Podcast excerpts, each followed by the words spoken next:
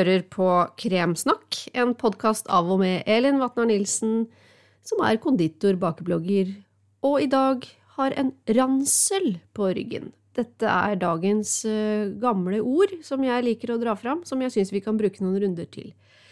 Ransel, det er jo ikke så ofte vi sier det lenger, er det vel? For meg så er ransel en sånn uh, brun skinnsekk med en bæremeis sånn som jeg hadde, i hvert fall, når jeg gikk på ungdomsskolen. Og i den ranselen så finner du i dag eh, en lykkepose. ja, det er reklame.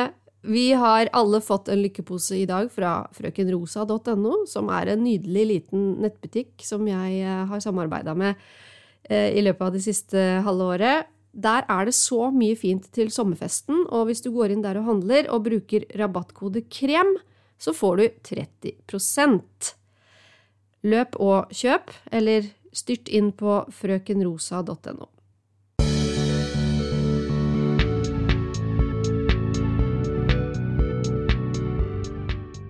I dagens episode så blir det litt blanda drops. Det blir eh, heimkunnskap. Og eh, o-fag. Det blir faktisk utetime i O-fagen i dag òg. For dere som husker det, så var jeg jo ute og Eller jeg var ikke ute, da, men jeg fortalte dere om det som skjedde rundt huset mitt. Der ligger det et lite tjern. I dag så har jeg faktisk tatt turen et stykke unna. Skal ikke røpe hvor, men det vil handle om en viss fiskeørn i o-fag. Og i klassens time så blir det et lite kulturelt innslag. Men la oss først starte med konditoren svarer, fordi det er kanskje mest spørsmål til meg om uh, forskjellige ting dere lurer på. Uh, ja, så glemte jeg å si at uh, det jeg skal snakke om i heimkunnskapen, det er faktisk en ny fløte som jeg oppdaga i butikken i går.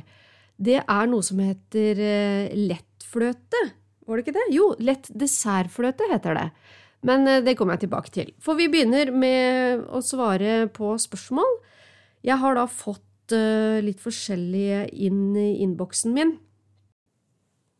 Det første spørsmålet jeg skal svare på, det handler om dragefrukt. For jeg fikk et spørsmål da, altså hva kan du lage av dragefrukt?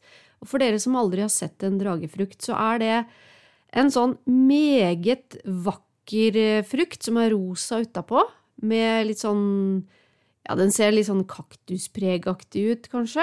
Og inni så er det helt hvitt fruktkjøtt med svarte prikker. Og dette er jo på en måte Ja, hva skal jeg si Det er kanskje litt sånn tegn i tiden, da, at vi trekkes til å kjøpe et sånt produkt, fordi jeg så det faktisk sjøl i går og bare tenkte sånn Ja, vi lever i denne tiden hvor ting skal vises fram på sosiale medier, blant annet, fordi det er jo en veldig dekorativ frukt. Men, kjære kremvenner, smaker det noe? Eh, jeg har jo smakt dragefrukt en gang, eh, men jeg kan ikke si at jeg husker engang hvordan det smakte. Og det er jo ofte problemet med tropiske frukter i Norge. De har reist så langt og blitt plukka så for tidlig at når du kommer i den norske kjøledisken på, ja, på Ops, da, som jeg så i går, der ligger den og kan vel ikke akkurat si han eh, er modna. Det smaker en mellomting mellom pære og kiwi, men som sagt, jeg syns det er så vanskelig med sånne tropiske frukter i dette landet, fordi ja, jeg har aldri smakt en god stjernefrukt, for eksempel. Men tilbake til spørsmålet. Hva kan du lage av dragefrukt? Og eh, jeg har googla, jeg, for at jeg eh, må si at jeg er ikke en hyppig Jeg er ikke den som kjøper dragefrukt mest, altså. Så mm, det er smoothie bowls det går i. Det er veldig mye sånne smoothie-oppskrifter. Og ellers så kan du lage is.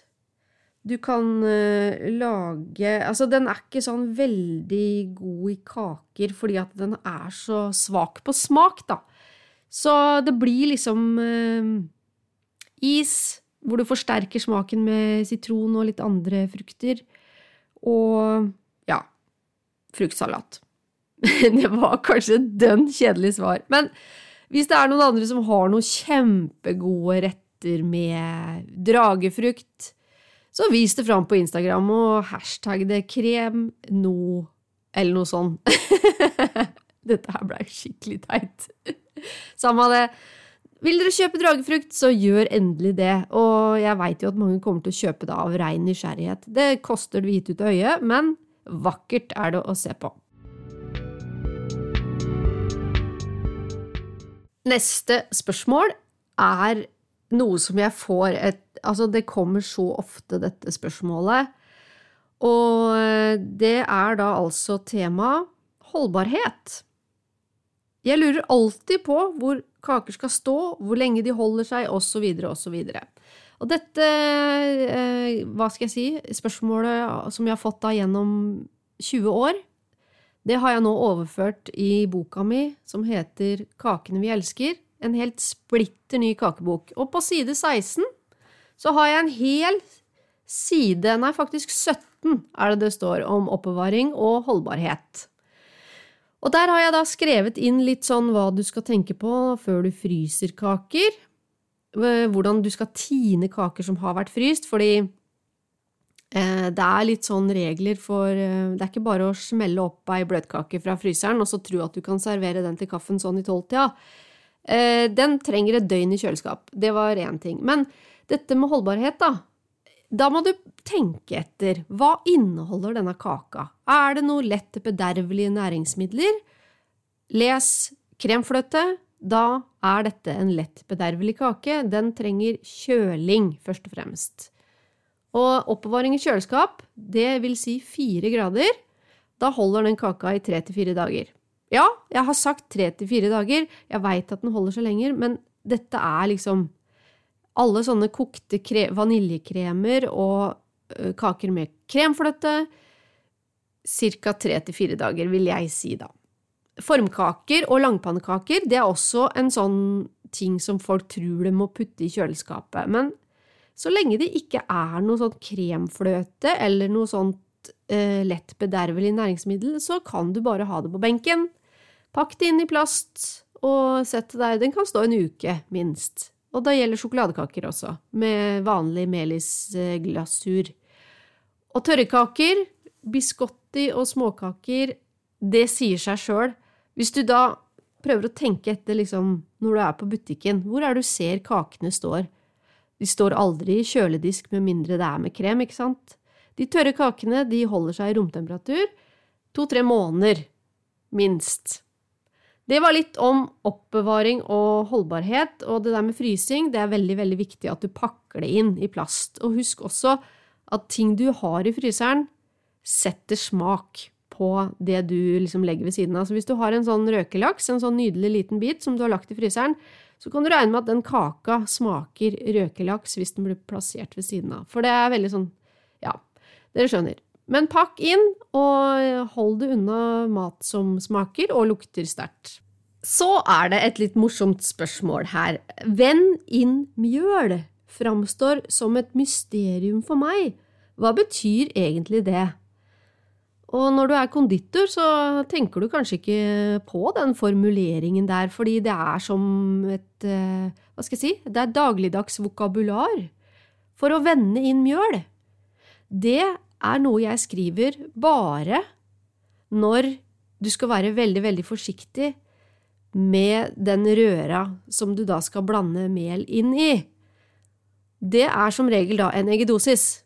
Fordi når du har lagd eggedosis, så har du piska masse luft inn i den massen, og de små luftboblene, de ønsker vi å bevare mest mulig, for når de små luftboblene kommer i ommen, så utvider de seg, og fungerer som en heving. Altså helt uavhengig av bakepulver eller noe annet, så vil luftbobler eh, fungere som heving. Altså det betyr at et sukkerbrød, det blir høyt og fint hvis det er nok luftbobler. Og det der med å vende inn mjølet, det er rett og slett ta mjølet i en sikt. Ja, jeg, jeg pleier å sikte, da.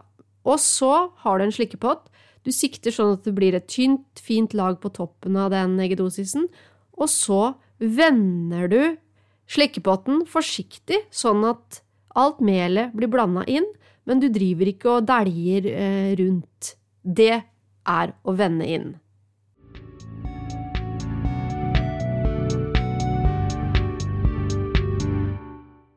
Vi har kommet til heimkunnskapstimen i dag med Fløtenytt.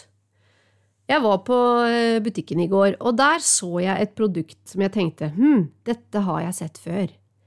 Det var altså en kartong med lett dessertfløte. 26% fett kan piskes til krem.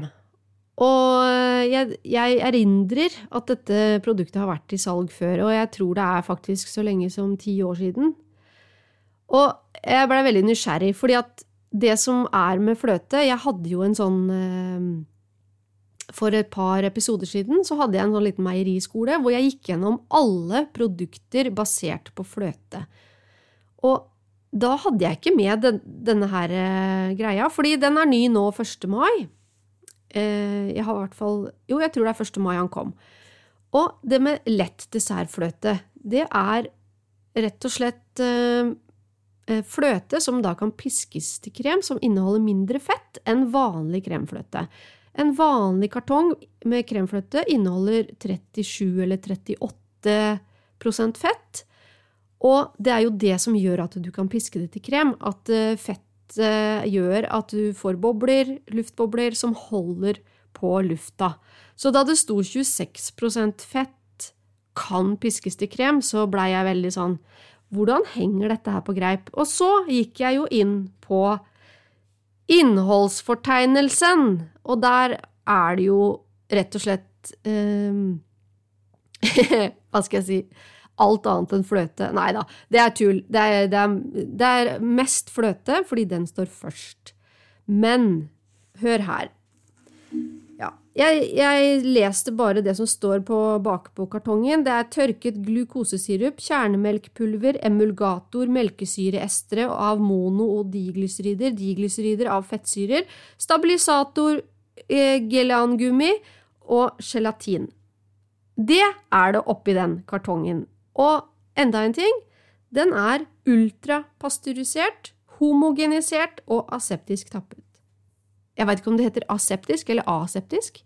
Det, det må vi spørre noen uh, kyndige om. Men uansett, dette er et produkt som er lagd for at det skal stå i romtemperatur i hvert fall et halvt år, uten å ta skade av det. Og det er fordi at det er da ultrapasteurisert og sånn uh, helt uh, sterilt tappa. Og når det er ultrapasteurisert, så betyr det at det er varma opp til 130-145 grader i noen sekunder. Og deretter så er det liksom tappa på en sånn steril eh, måte som gjør at eh, dette her er helt fritt for eh, noe ulumskheter. Da. Så det kan stå i romtemperatur i inntil seks måneder og er veldig, veldig, veldig holdbart. Og så tenkte jeg da dette her må jeg få svar på fra Tine. Hvorfor driver dere og lager et produkt som liksom Ja, for det første, 25% fett, det er greit. Det er jo fordi at noen vil ha mindre fett i kakene eller i dessertene sine. Men hvorfor alt dette andre? Og jeg veit jo egentlig svaret. Fordi det er veldig vanskelig å piske krem med en fløte som har så lite fett. Ja. Kan denne piskes til krem i romtemperatur, skrev jeg, fordi at den selges jo når den står i butikken, så selges den i romtemperatur Eller den kan i hvert fall stå i sånn sjokkselger, da, har jeg sett at den har lagd. Og øh, jeg veit jo det, at det er klin umulig å piske kremfløte av varm fløte.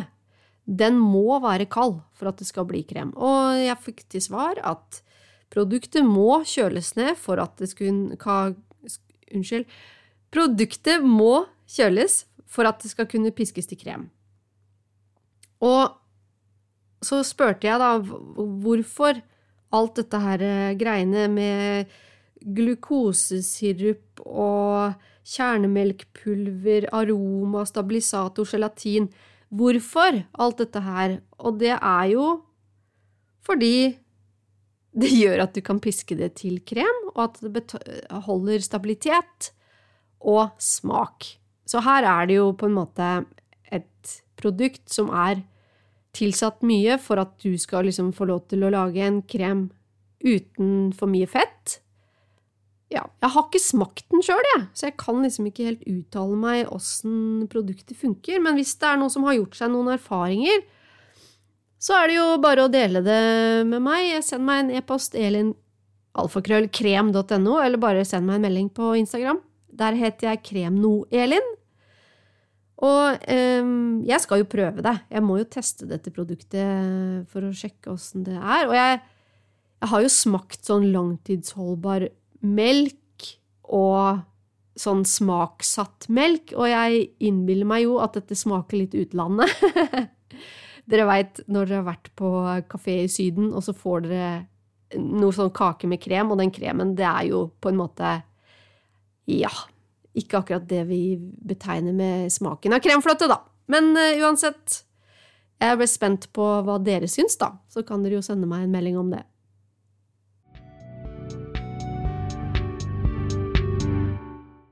Jeg lovte dere utetime i o-fag, og i dag så skal jeg ta dere med til et hemmelig sted. Ja, jeg kommer ikke til å si hvor det er, men jeg har vært og oppsøkt reiret til fiskeørna, som er i min eh, to mils omkrets, kan jeg vel si.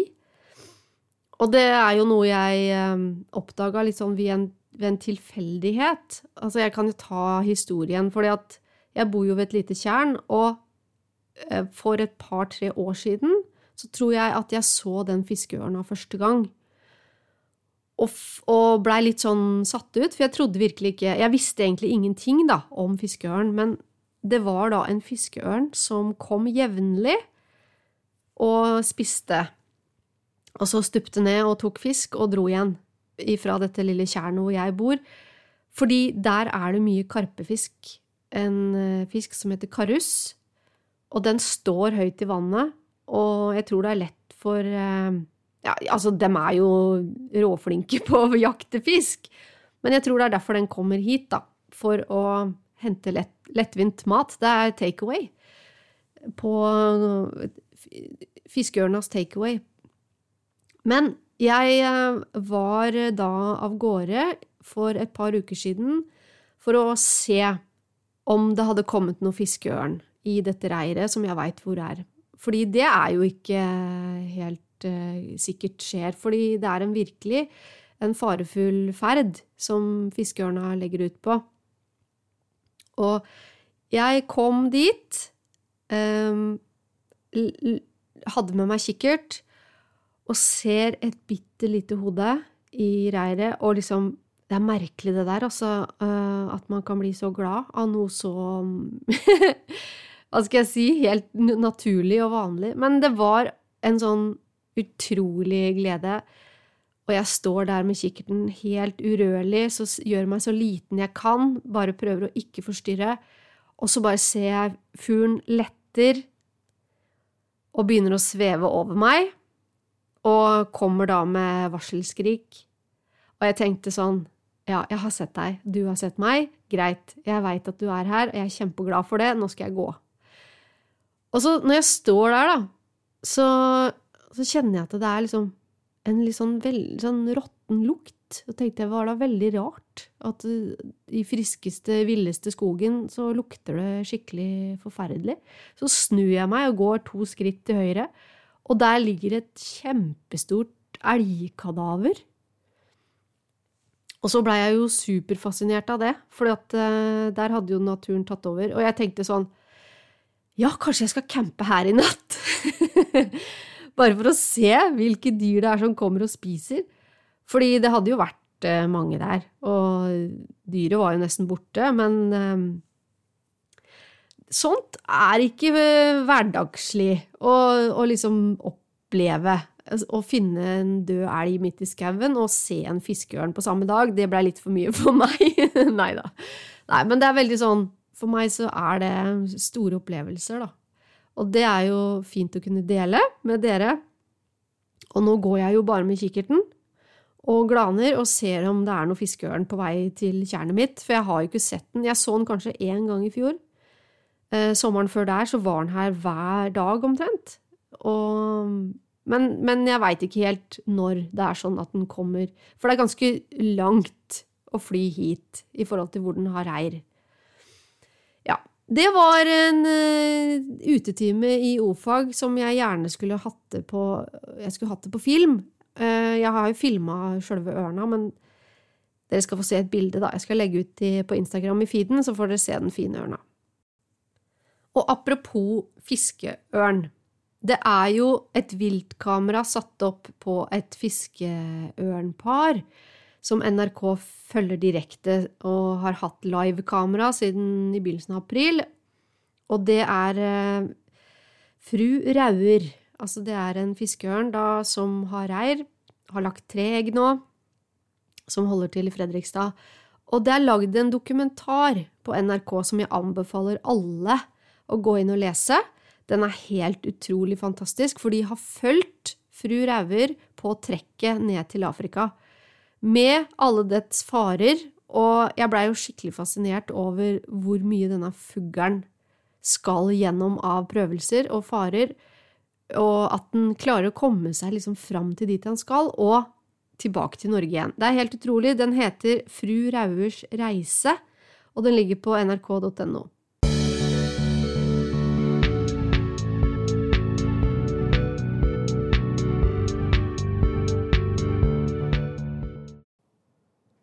Det er en stund siden jeg har hatt timen som jeg har kalt for klassens time. I utgangspunktet så er jo det en sånn fritime hvor man får lov til å sette fram eh, potetgull og brusflaska og kose seg. Men nå skal jeg være litt personlig, fordi det har ikke vært så veldig Det har ikke vært så mye glede og jubelrop i livet mitt siste måneden fordi mamma har vært sjuk. Um, og derfor har jeg tenkt at uh, i dagens Klassens time så skal jeg ha et lite kulturelt innslag. Jeg har lyst til å lese et dikt for dere. Fordi nå går vi inn i juni, og den fineste tida, kanskje. Og nå skal jeg ikke begynne å grine. Men um, det er noe med det at uh, vi må ta vare på hverandre, og når jeg leser det her nå, så, så er det fordi at uh, jeg er veldig glad Mamma kom hjem i går, og vi håper det går veldig bra å bo hjemme og fortsette med det. Men jeg skal i hvert fall lese et dikt som er et favorittdikt, som heter Junikveld av Hans Børli. Vi sitter i slørblå junikveld og svaler oss ute på trammen, og alt vi ser, har dobbelt liv fordi vi sanser det sammen. Se, skogsjøen ligger og skinner rødt av sunkne solefallsriker, og blankt som en ting av gammelt sølv er skriket som lommen skriker, og heggen ved grinda brenner så stilt av nykveikte blomsterkvaster. Nå skjelver de kvitt i et pust av vind. Det er som om noe haster og flytt deg nærmere inntil meg.